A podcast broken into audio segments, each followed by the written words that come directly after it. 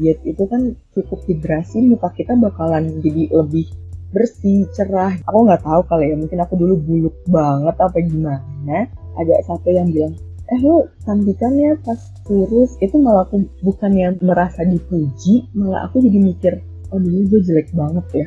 Gue cantiknya pas gue udah diet doang ya.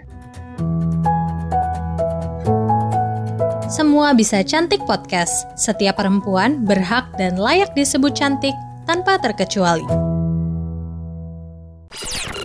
Eits, ingin belajar soal mengelola keuangan dan juga investasi bersama ahlinya? Check out podcast Cuan Cari Untung bareng teman. Persembahan Motion KG Radio Network by KG Media yang tayang setiap hari Rabu hanya di Spotify.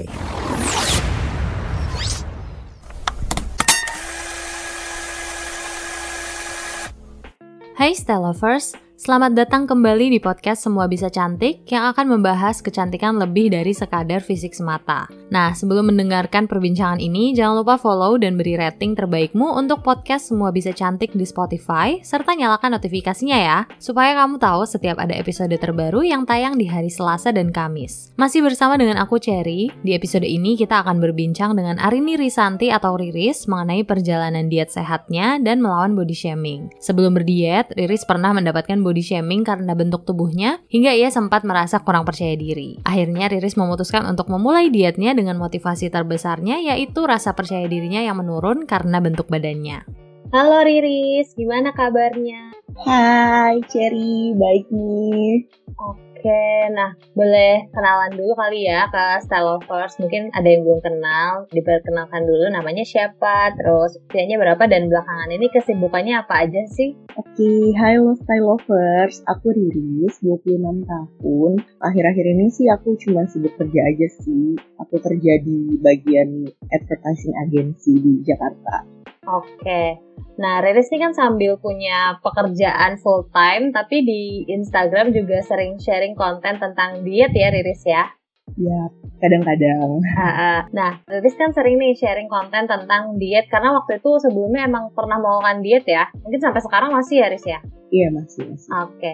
Nah, sebenarnya apa sih yang mendorong kamu untuk bersungguh-sungguh nih melakukan diet? Jadi, I'm growing up tuh kayak bukan anak yang kurus ya, jadi kayak emang dari kecil tuh anak yang tubuhnya tuh udah gendut terus kayak berkembang berkembang gendut udah sering banget nyoba-nyoba segala diet dan akhirnya pas kayak udah kuliah tuh ngeliat cewek-cewek ih gue pengen deh bisa pakai baju kayak cewek-cewek. Karena kan aku bisa pakai tuh cuman kayak kaos sama celana jeans. Nah dari situ sih aku kayak pengen pengen deh bisa diet biar bisa pakai baju-baju gitu. Itu awal ya yang bener-bener kayak bikin aku pengen deh gue mulai diet gitu sih share oke. Okay selain itu uh, ada nggak sih kayak pengalaman nggak mengenakan yang kemudian uh, membuat jadi kayak aduh emangnya gue salah banget ya dengan bentuk tubuh yang seperti ini sampai akhirnya kayak ya udah deh gue diet deh gitu. Ada juga nggak sih?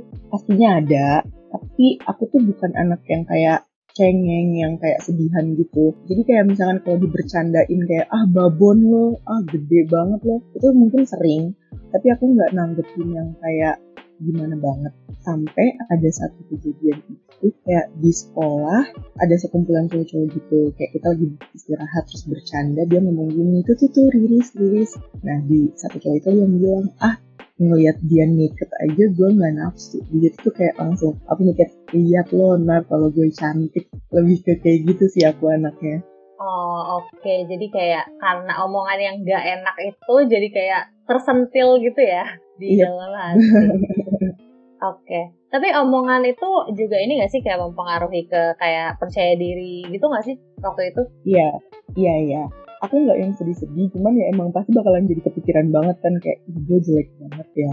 Emang gue sampai se nggak bagus itu ya. Terus gue kayak kayaknya sih cewek-cewek yang lain di umur gue yang segini tuh kayak cantik banget, rambutnya bagus, sehat, kulitnya bagus, kayak gue baju apa aja sih jelek itu tuh kayak jadi pikiran banget. Ya, jadi tetap ada ya pengaruh ke rasa percaya diri dan e, jadi kadang-kadang kayak membandingkan diri sendiri sama orang lain gitu ya.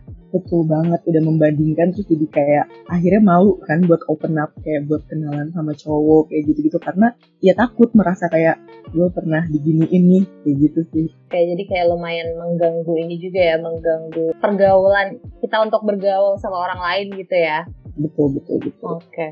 nah waktu diet nih menurut Riris apa aja sih sebenarnya hal yang perlu dipersiapkan buat orang yang mau diet? Selain keinginan untuk berdiet dan hidup lebih sehat gitu.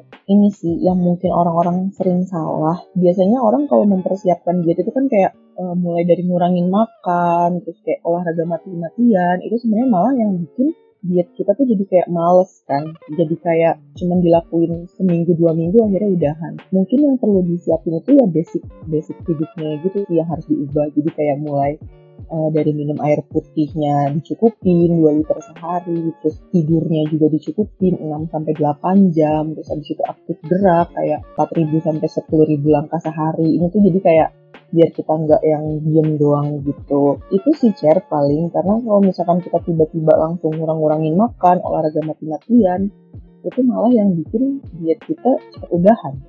Oke aku setuju sih. Jadi jangan diet itu jangan menjadi sesuatu yang kita ada perubahan drastis gitu ya dalam ya, kegiatan sehari-hari kita. Karena kalau perubahannya sangat berasa kayak gitu kita jadi merasa diet ini jadi beban gitu ya. Iya betul banget oke. okay. Sedangkan kalau misalnya dimulai dari kayak perubahan-perubahan kecil dari gaya hidup sehari-hari dulu kayak yang tadi Riris bilang itu akan menjadi kayak ya udah kita kayak ngebangun kebiasaan baru aja gitu.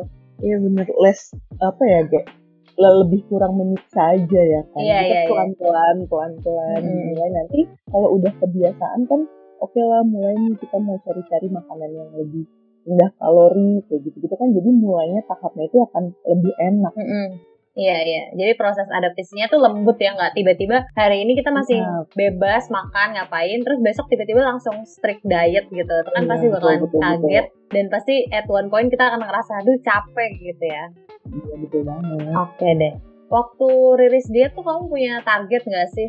Awal ya, awal banget ya itu tadi target aku pengen deh bisa pakai baju-baju kayak model-model yang kayak cewek-cewek sekarang, nggak cuma kaos sama celana jeans tapi seiring berjalannya waktu misalkan saat gue udah diet gini kan pasti berarti udah turun dong terus akhirnya ngeliat kayak oh yang ini dia glutesnya terbentuk ininya terbentuk gitu tuh kayak kayak kalau misalkan kita udah ngelakuin sesuatu dan kita udah nyampe goalsnya pastinya tuh kita bakalan set goals goals yang baru sih. Oke, jadi goalsnya itu juga gak, berubah seiring dengan iya, proses diet iya, yang kita bener, jalanin bener. ya. Pasti bakalan terus ada target-target itu sih. Jadi oh. kayak bukan bukannya yang eh lo nggak puas banget sih lo udah turun. Enggak cuman kan kita pasti kalau misalnya kita udah di satu titik yang kita udah dapet nggak mungkin dong kita berhenti gitu aja. Pasti kan harus ada eh, target-targetnya biar kita kayak terus melakukan. Kalau udahan kan berarti udah nggak ada yang dilakuin nih Iya iya iya.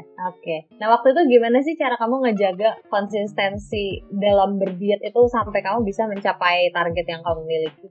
Konsistensi ini aku agak agak kurang suka sih ya sama bahasa konsistensi karena kalau misalkan kita udah tahu diet itu kayak pola hidup ya mungkin bakalan dijalanin biasa aja jadi nggak tersiksa yang kayak ah gue lagi diet nih gue lagi ini nih jadi ya akhirnya ya dijalanin aja karena emang ya ini buat gue ke depannya. Kayak gitu sih share aku ya. Oke, jadi itu tadi ya, maksudnya gimana kita mengkomunikasikan ke badan kita sendiri bahwa ini tuh kita nggak hmm. lagi diet berat kok, ini kita hmm. cuma lagi mengubah kebiasaan biar untuk menjaga kayak biar konsisten. Tadi juga jadi nggak terlalu berat gitu ya, Riz ya? Ya bener, kalau misalkan kayak konsisten konsisten doang, bilang ah gue mau konsisten diet, konsisten tuh apa sih kayak emang lo tahu konsisten tuh apa kayak gitu kan kadang-kadang kan kayak konsisten itu sesuatu yang dilakukan terus menerus yang enggak yang enggak putus gitu ya sama aja kayak pola hidup diet ini emang harus seterusnya gitu loh. Oke, jadi jangan jangan kayak ya gue mau konsisten diet seolah-olah akan diet terus sampai kemudian ada iya. ujungnya yeah. gitu ya. Iya. Yeah.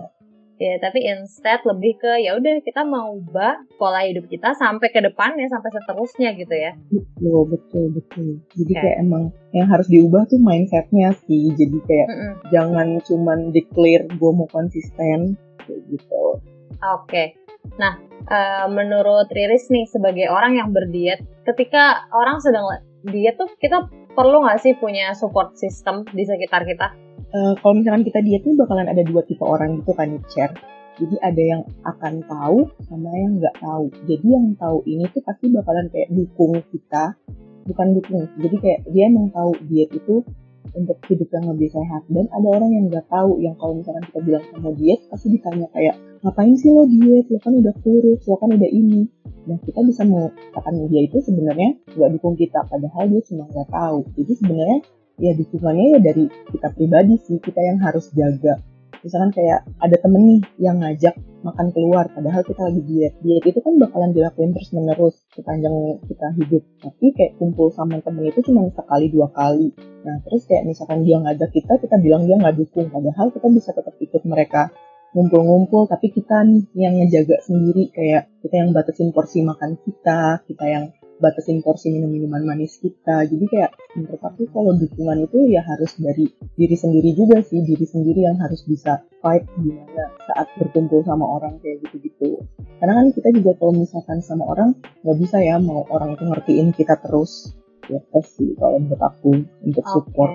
Nah, tapi waktu itu orang-orang di sekitar Riris gimana sih merespons keputusan kamu gitu? Karena pastinya kan ada perubahan ya, mulai dari perubahan gaya hidup, kemudian perubahan penampilan gitu. Waktu itu orang-orang di sekitar kamu gimana uh, responnya? Uh, kalau misalkan aku itu pertama emang udah didukung sama ibu ya, jadi emang ibu aku yang pertama kali kayak coba dong mulai apa olahraga, mulai kurangin makannya kayak gitu-gitu. Terus kalau sama teman-teman, aku juga lebih sering nonton-nonton ini kan, uh, tempat minum gitu keluar. Jadi kalau beli apa pun aku pasti selalu bawa tempat minum kayak minum air putih aja. Dan temen-temen aku awalnya kayak tenteng terus tuh botol. Pasti selalu kayak gitu. Tapi lama-lama akhirnya kadang mereka juga jadi ikut kayak asik juga ya bawa tempat minum terus habis itu jadi kayak eh lo bersihan deh. Iya nih kayak cukup terhidrasi lebih kayak gitu sih biar aku udah me, ya menjauhi kumpulan-kumpulan yang, yang memang tidak mendukung diet aku gitu sih. Oke. Okay. Nah, buat menjaga motivasi kita untuk diet itu kan pastinya nggak gampang ya. Menurut Riris nih, eh, apa sih tantangan terbesar yang bisa dialami oleh orang yang lagi diet? Nah, ini sebenarnya lagi aku alamin sih sekarang. Jadi, yang harus diketahui itu diet itu nggak selamanya akan turun terus gitu kan. Diet itu pasti bakalan ada di masa berat badan kita stuck, terus bisa juga berat badannya naik lagi kayak yang lagi aku alamin sekarang. Aku pas udah mulai WFO WFO itu kayak jajan aku mulai sembarangan lagi, terus tidur aku juga mulai ngaco lagi. Nah itu berat badan aku naik lagi. Nah sebenarnya itu sih tantangan terbesarnya. Jadi orang mikirnya tuh kalau misalkan berat badannya stuck terus naik lagi, itu kan dipikirkan tuh gagal. Padahal sebenarnya itu yang harusnya dikasih lihat gitu ke orang-orang kalau diet itu ya up and down. Jadi ya emang itu yang akan dialami. Nggak selamanya diet itu bakalan berjalan mulus yang turun turun turun turun turun terus. Jadi kalau misalkan emang kayak gitu ya mungkin oke okay lah take a break kayak seminggu dua minggu dari makan sehat terus main sama temen dulu lagi terus nanti baru mulai olahraga lagi. Karena ya emang sebenarnya kita nggak akan bisa terus-terusan kayak strict mau olahraga terus strict makan sehat terus tadi sebelum diet kan Riris pernah ya ngalamin kayak body shaming yang bikin nggak percaya diri gitu-gitu ya, kalau sampai sekarang masih ada nggak sih kayak omongan-omongan kayak gitu yang sampai sekarang masih kamu alami atau udah nggak ada? Masih banget sih. Oh ya. Uh, sekarang tuh lebih ke bukan bukan body shaming ya, jadi ada yang eh beauty shaming ya. Iya iya iya. Mungkin kan kalau diet itu kan kayak cukup vibrasi muka kita bakalan jadi lebih bersih, cerah gitu-gitu kan Cer. Nah, terus iya, mungkin yeah, yeah, yeah. aku nggak tahu kali ya, mungkin aku dulu bulut banget apa gimana ada satu yang bilang kayak eh lu cantikannya pas kurus kayak itu malah aku bukan yang merasa dipuji malah aku jadi mikir oh dulu gue jelek banget ya gitu kayak gue cantiknya pas gue udah diet doang ya Oh, jadi ngerasa kayak worth kita tuh baru dilihat. Iya, iya, iya bener. Iya betul. Oke, dan itu walaupun sebenarnya mungkin itu bukan kalimat ejekan ya, cuman mm -hmm. itu uh, tetap apa agak menyinggung karena itu berkaitan sama penampilan kita di masa lalu gitu kali ya. Iya betul, kayak misalkan lo tuh dulu pernah ngatain gue nih, dan gue udah kurus lo muji-muji kayak apa, jadi kayak kesannya jadi bukan kepujian malah kayak ih uh, gue dulu sejelek itu ya sampai lo kayak gitu ya dan itu kayak menunjukkan lebih ke orang ini berarti cuma ngeliat fisik nih gitu kali ya iya betul betul ya, ya. walaupun sekarang 90% mungkin orang-orang tertarik emang fisik dulu kali ya Iya sih, make sense. Tapi kan kita sebagai manusia juga pengen dilihat uh, dari kayak sifat kita, hati kita yeah. gitu ya. Betul betul betul banget. Oke. Okay. Nah terakhir nih ada nggak tips yang bisa kamu bagiin buat style lovers yang lagi atau ingin mulai berdiet? Tipsnya itu selalu mulai dari keinginan sendiri. Jadi jangan kayak terpaksa uh, karena disuruh diet kayak gitu gitu kan baru mulai diet jadi kayak emang dari diri sendiri dulu nih udah ada dan selalu mulai dari yang termudah dulu. Misalkan eh, nggak uh, bisa ngurang-ngurangin makan ya udah mulai dari uh, rutin olahraga dulu jalan pagi dulu. Terus kalau misalkan emang waktu olahraganya belum ada oke okay, mulai dari minum yang banyak dulu. Jadi pokoknya tips diet itu mulai dari benerin basic hidupnya dulu sih. Dan ya set target-target yang masuk akal aja di awal. Oke deh, thank you banget ya Riris udah mau sharing sama Style Lovers hari ini. Oke. Okay. Oke, okay, thank you dan semoga sehat selalu ya. Semoga obrolannya bermanfaat ya. Oh iya pastinya dong. Thank you.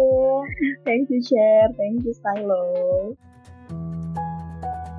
Stylo. Stylovers, kita tak bisa menjadi yang setiap orang inginkan.